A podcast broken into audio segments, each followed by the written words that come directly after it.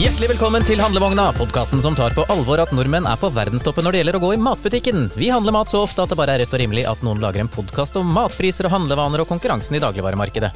Jeg heter Bendik Solum Wist og er bransjedirektør for dagligvare i Virke. Og med meg i dag har jeg Tordale, som leder for Bærekraftig Virke. Hei og velkommen tilbake. Du har jo vært eh, hovedgjest her eh, en gang, du. Ja, hei, vært. Det er veldig Ja. hyggelig å være stand-in for eh, Runar. Ja, Ja. Tallenes trollmann hadde dessverre noe annet han måtte gjøre i dag, men veldig fint at du kunne steppe inn på 20 sekunders varsel. Jo, takk. Og særlig fordi at dagens og ukens tema er etisk handel og dette med å ha kontroll på verdikjeden. liksom menneskerettigheter osv. For jeg har snakket med lederen i Etisk handel Norge, Heidi Furustøl, og vi skal straks høre på det intervjuet. Men før den tid, siden du har litt å gjøre med den slags type arbeid, eh, Tord. Du hadde med deg en historie, sa du. Ja, du, jeg lurte på om du ville ha en eh, liten bit eh, sjokolade her, Bendik. Takk. Skal vi se. Ja. Ja. fordi nå har vi akkurat spist lunsj, og det passer med en liten søt matbit etterpå til kaffen. Og sjokoladen du har fått her nå, den heter Tony Chocolonely. Og eh, det er et litt sånn morsomt navn, men det er en morsom historie bak det som illustrerer det som er tema for dagens podkast. Ja. Eh, dette sjokolademerket er lagd av en nederlandsk journalist som heter Taufen van der Kauken. Jeg Ja. håper i hvert fall at det er sånn det uttales. Ja. På starten av 2000-tallet så undersøkte han hvordan er forholdene for arbeidere på kakaoplantasjer, og det han fant ut var at det var ganske kummerlig. Eh, dels så var det slavelignende arbeidskontrakter. Eh, og det er jo sånn, vi ønsker jo, ingen av oss ønsker jo å spise sjokolade som er produsert under den type forhold. Så da lagde han det merket, og, og sørga for eh, sporbarhet på sjokoladen, at forholdet var ordentlige, tok en litt høyere pris, og så kunne han betale anstendig. Eh, Og dette er jo mange merker som eh, har jobba på denne måten, eh, og vi, veldig mange av våre medlemmer, har jobba veldig aktivt, eh, særlig innenfor dagligvarehandel, med oppfølging av leverandørkjeden for å være sikker på at eh, de ansatte som produserer alt fra kakaobønner, soyabønner eh, og råvarer som inngår i produksjon, eh, langt ut i verdikjeden, har anstendige arbeidsforhold, at de får grunnleggende menneskerettigheter ivaretatt.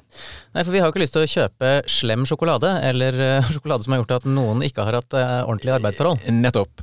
Så for våre medlemmer som har, var engasjert i dette arbeidet med den åpenhetsloven som eh, ja, nå har trådt i kraft, så handler det grunnleggende sett om to ting. For det første er jo da at man nettopp skal være oppmerksom på eh, dette med arbeidsforhold, menneskerettigheter i verdikjeden, eh, og, og jobbe aktivt med det. Og det andre så handler dette om like konkurransevilkår. At det skal ikke dukke opp eh, bedrifter som tar snarveier og på den måten kanskje kan tilby billigere produkt. Ikke sant. Og du nevnte åpenhetsloven, og vi skal jo straks høre mitt intervju med Heidi Furustøl i Etisk handel Norge, hvor vi kommer inn på den. Og det er jo en rapporteringsfrist nå veldig, veldig snart, Ja. som vi skal kanskje fortelle litt mer om når vi har hørt intervjuet med, med Heidi.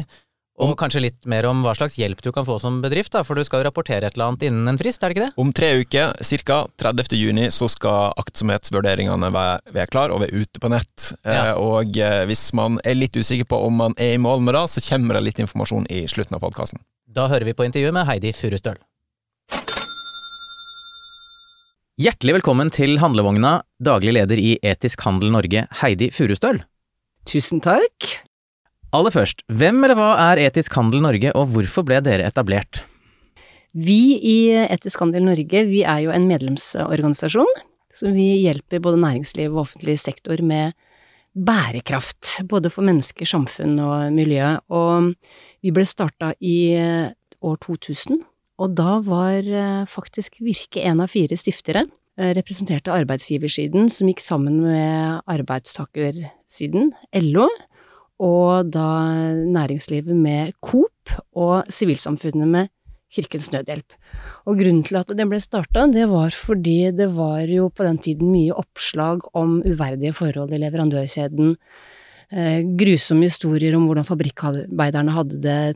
Eh, og da ble det tatt initiativ til, etter slik som det var i, i Storbritannia med Ethical Trading Initiative, å lage tilsvarende initiativ i eh, Norge. Og det var jo fordi man så det at skulle man klare å få til forbedringer i leverandørkjeden, så måtte de ulike partene samarbeide om forbedringer. Og hvem er medlemmene deres? Altså er alle handelsbransjer representert? Ja, det kommer litt an på hva du mener med alle handelsbransjer. Det er de ikke, men vi har veldig mange hos oss. Vi, vi har jo mesteparten fra næringsliv, og i tillegg da til både organisasjoner og offentlig sektor. Men av de bransjene vi har, så har vi jo mange fra dagligvare. Mm. Både alle de, de, store kjedene, men også leverandører til eh, kjedene. Og så har vi tekstil. Så har vi etter hvert fått en god del på infrastruktur og bygg og anlegg, og vi har helse, medisinsk utstyr, eh, profilartikler, møbler, interiør, elektronikk, industri begynner vi også å få en del på, og så har vi en sånn stor kategori som heter Annet, for alt det andre er. Så det er veldig mangfoldig og variert. Stor bredde. Men er det sånn at uh, trykket på å melde seg inn og bli en del av dette her kommer fra kundene, eller er det det at det kommer fra uh, myndighetsforventning, eller er det bare sånn peer pressure, at det bare sånn alle de andre gjør det, så da må vi gjøre det, ellers så ser vi teite ut?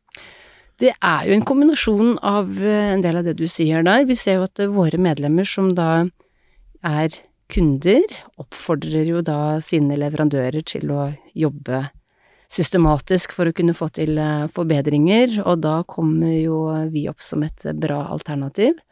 Og så er det jo da de som melder seg inn, som ser det at det også er et stort press eh, fra investorer og kapitalsiden til å kunne vise hvordan er man jobber med bærekraft, ikke bare snakker om det, men, men faktisk kan eh, rapportere eller dokumentere.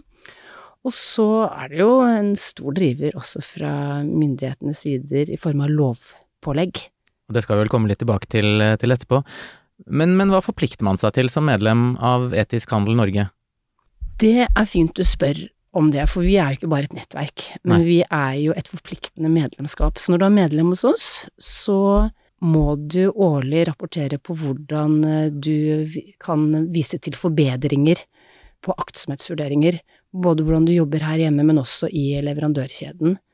Og så har vi også en code of conduct, en prinsipperklæring, ja.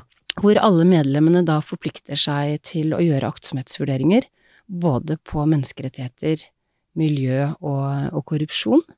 Og så har vi det vi kaller for en code of conduct, altså retningslinjer, hvor det står beskrevet uh, hva du skal unngå, sånn som tvangsarbeid, barnearbeid, diskriminering på arbeidsplassen, gode HMS-forhold, eh, jobbe for eh, at også stemmene til marginaliserte befolkningsgrupper kommer frem, at det er regulere ansettelser, og at det er eh, programmer for korrupsjon, og at man jobber for klimagassreduksjon, og ikke minst dyrevelferd, som er det siste punktet vi har tatt inn i de retningslinjene. Ja. Og disse retningslinjene de harmoniserer jo med det vi kaller for gullstandarden innenfor samfunnsansvar, som er OECD sine retningslinjer for flernasjonale selskaper, og FNs retningslinjer for næringsliv og menneskerettigheter, UNGP. Ja. Bortsett ifra dyrevelferd, det har vi og våre medlemmer lagt på. Nettopp. Men hvor opptatt er kundene egentlig av varenes opprinnelse og verdikjeden før varen kommer ut i butikken i Norge? Har vi noe tall på det? Det er et godt spørsmål. Hvis du spør mine medlemmer, så vil jeg jo selvfølgelig si ja. ja. Og der eh, har jo vi en rapport som vi gir ut eh, hvert år, som baserer seg på medlemsrapporteringen. Så der har vi jo oversikt over f.eks. for eksempel de største ti produsentlandene utenfor EU. Den har jeg med meg her i studio, det kan ikke dere se.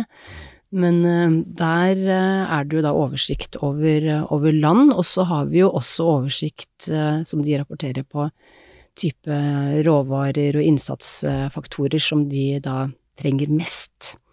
Men du kan si dette med sporbarhet, det er jo ikke et mål i seg selv, men et middel for å kunne få åpenhet og kunne få en god risikokartlegging av hvor er det det er størst risiko.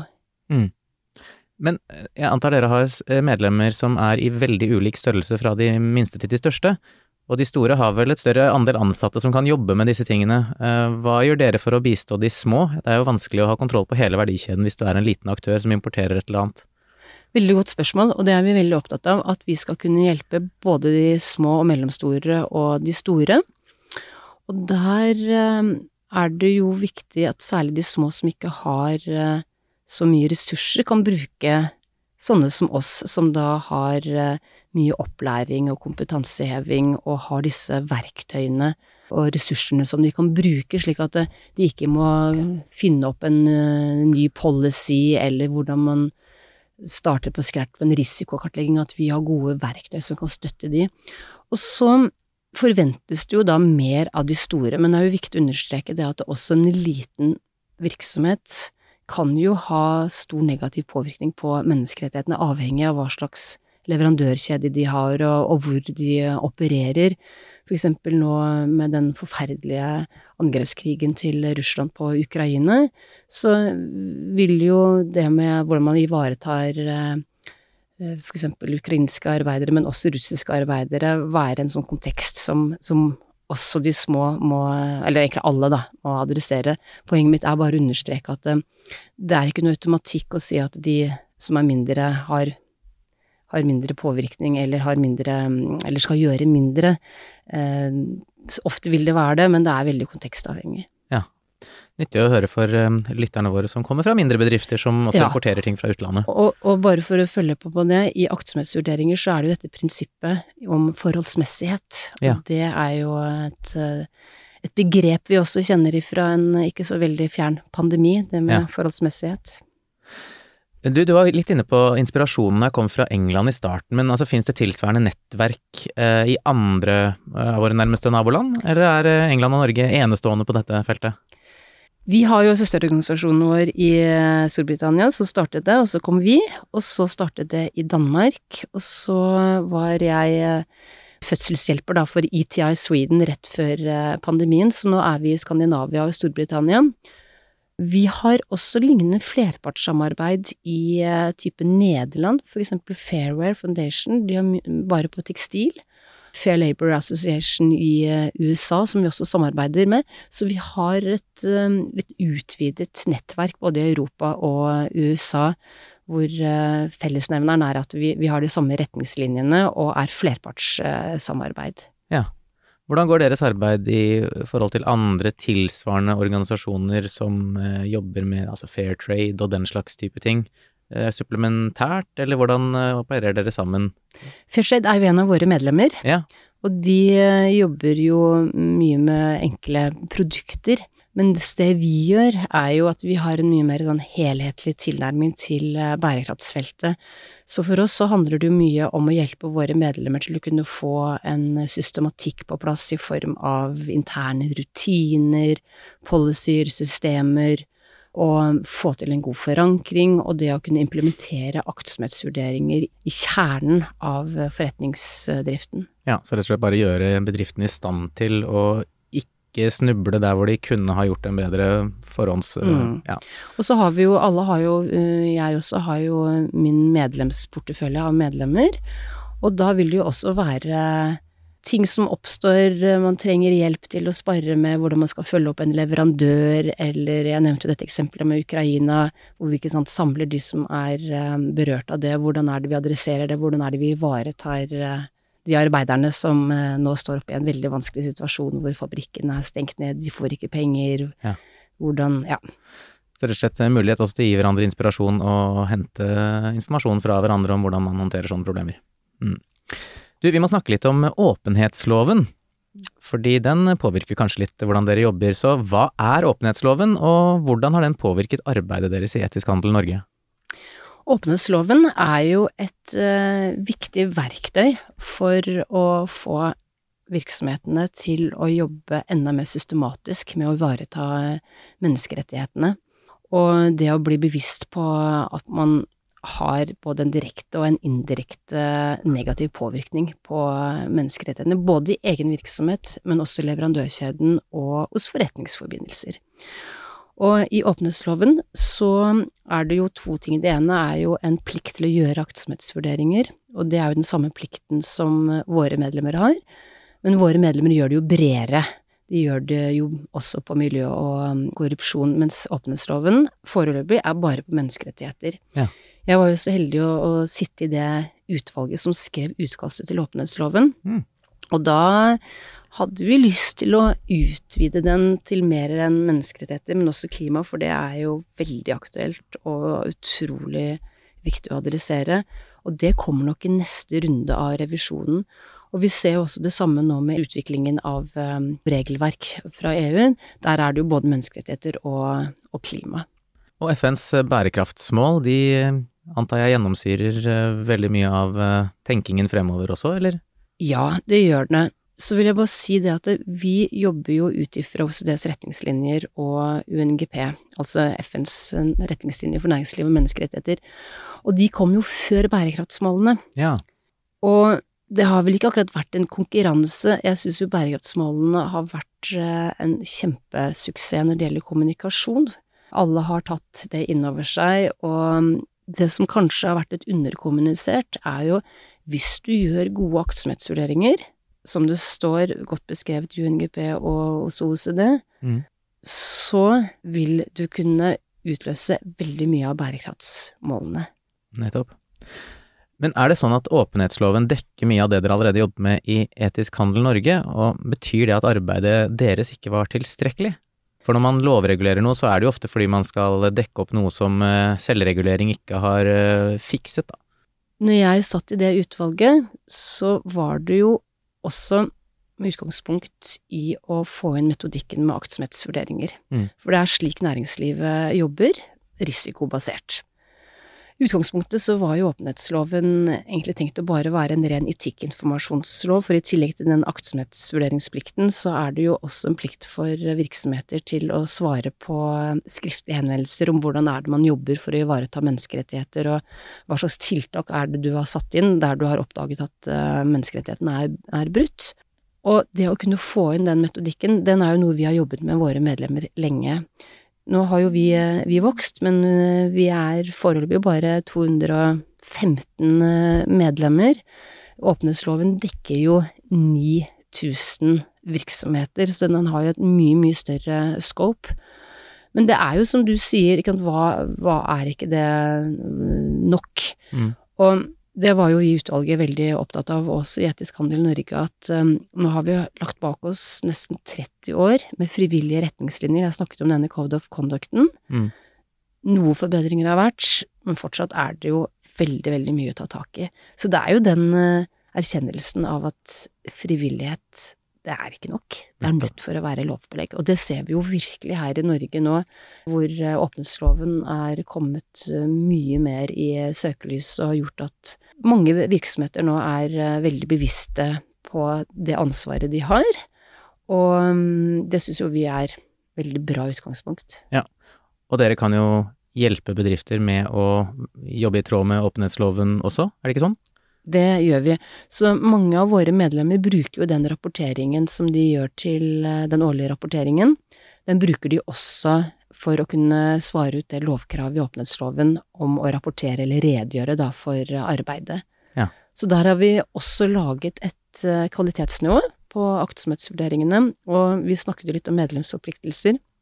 Og der er det jo en forpliktelse innen to år å være på et basisnivå som er et uh, kvalitetsnivå, et objektivt kvalitetsnivå basert på dokumentasjonskrav og en rekke kopier. Mm. Derfor har man også en, en, viss benchmark på hva som er gode aktsomhetsvurderinger. Du, hvordan eh, påvirkes eh, norske bedrifters konkurranseevne mot utenlandske bedrifter av at de er underlagt uh, muligens da strengere regler enn andre lands bedrifter? Er det sånn at andre land også har tilsvarende åpenhetslov som vi har, og du nevnte jo at vi har nå etisk handel Norge-aktige nettverk i Skandinavia og UK, men, men ellers uh, har vi egentlig lagd strengere regler for våre bedrifter enn de de konkurrerer mot internasjonalt? Jeg nevnte jo det som skjer nå i EU. Mm. EU er jo et veldig viktig marked for mange av våre virksomheter, og der har det jo skjedd veldig mye når det gjelder aktsomhetsvurderinger og bærekraft. Så jeg bruker jo å si det at aktsomhetsvurderinger, det har kommet for å bli. Mm. Det er noe du også kan bruke, ikke bare inn i åpenhetsloven, men også inn i det som kommer av, og allerede er her av reguleringer, for eksempel EUs taksonomi. Senest i går hadde vi frokostseminar om den grønne taksonomien. Mm. Og det å gjøre aktsomhetsvurderinger innenfor bærekraftsrapporteringsdirektivet som kommer. Så dette her blir nok en faktor hvis du skal i hele tatt ha markedsadgang å begynne med dette arbeidet nå er veldig, veldig lurt. Og for de lytterne som ikke kjenner til EUs taksonomi, dette fremmedordet som dukket opp her for et par år siden, så handler jo det da om eh, at de som skal plassere pengene sine et sted, skal vite at det de investerer i er bærekraftig osv., og, og at det handler jo om å kunne gi grønne lån osv., og, og at du skal eksempel ikke gi det til skitten og fossil virksomhet eller noen som bryter menneskerettighetene og den slags. Og så gjelder det ikke bare finans, fordi etter hvert så vil det også være slik at hvis du skal ha kapital, mm. så må du også vise at uh, du gjør uh, gode aktsomhetsvurderinger. Mm. Så om du ikke er omfattet av loven, så vil du likevel bli omfattet hvis du skal uh, levere, enten du er kunde eller leverandør. Nettopp. Så dette brer om seg som en svær, svære ringer i vannet. Nettopp, så det er bare å være framme i skoa og gjøre gode aktsomhetsvurderinger. Vi skal straks gå inn for landing, men eh, helt til slutt så har jeg et obligatorisk dobbeltspørsmål til alle mine gjester. Hva er din favorittmatrett hvis du er gjest eller går ut for å spise, og hva er din signaturrett hvis det er du som skal få gjester på besøk? Dette har jeg gleda meg til, jeg syns ja. det var et kjempegøy spørsmål. Ja. Hvis jeg er gjest, ja. så har jeg satt utrolig pris på å få servert uh, hare. Oi! Jeg har en uh, mann som er uh, harejeger, og en svigerfar som var harejeger. Og så har jeg en utrolig flink uh, svigermor som da tilbereder det. Så det er veldig, veldig bra. Jeg kan røpe at du er den første gjesten som har ønsket seg hare på menyen.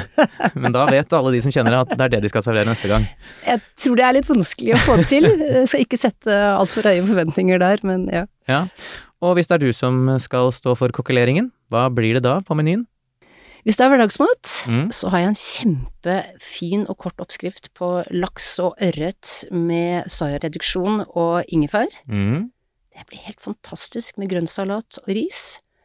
Hvis jeg har litt mer tid, så har jeg en eh, veldig flink eh, mann til å grille fisk. Ja. For eksempel eh, er det jo veldig godt med dorade grillet, oh. og god salat og, og, tilbehør. Dorade, er ikke det en middelhavsfisk? Jo. Er det lett å få tak i den i Norge, da? Eh, ja, på min lokale Coop har de veldig god ferskvaredisk. Litt reklame der, altså. Ja. Nettopp. Men det er godt å høre. Jeg forbinder dorade med ferier ved Middelhavet. Det er en stund siden sist. Men tusen takk for at du kom på besøk i eh, handlevogna, Heidi Furustøl. Tusen takk for at jeg fikk være med.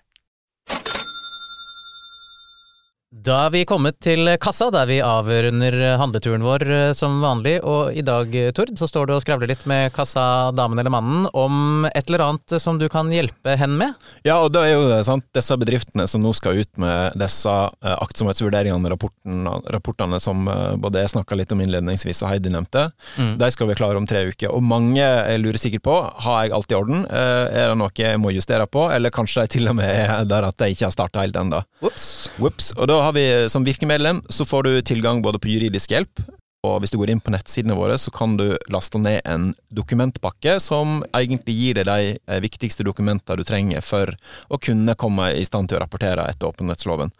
Og så skal vi 15. juni ha et webinar klokka ni, der vi eh, går gjennom sjekklista, eh, sånn at medlemmer som da lurer på har jeg i mål med det jeg skal, kan følge det webinaret, og så vil våre dyktige jurister rett og slett ta en kontroll Nettopp. Ja. Og dette webinaret, er det kun for medlemmer i Virke, eller er det for hvem som helst som vil det være med? Det er åpent for alle, men de som eh, ikke er medlemmer må selvfølgelig betale litt. Ja ja, men eh, rapportering er uansett viktig, for man vil jo ikke ha en slem verdikjede og selge slemme produkter. Eller vil dere det, kjære lyttere? Nei, jeg tenkte det. Og da er det vel på tide å parkere handlevogna for eh, denne uka. Tusen takk, eh, Tord, for at du steppet inn på vanvittig kort varsel. Takk for meg. Ja, Og du kommer nok til å komme tilbake igjen seinere, det kan jeg nesten spå med 100% sikkerhet. Og neste uke så er vi sannsynligvis tilbake med en ny episode med et nytt og hot eh, tema fra eh, dagligvarebransjen og dens omegn. Inntil da, meld deg inn i Facebook-gruppa vår, og abonner for guds skyld. Da får du inn alle nye episoder i din podkastspiller. Takk for nå!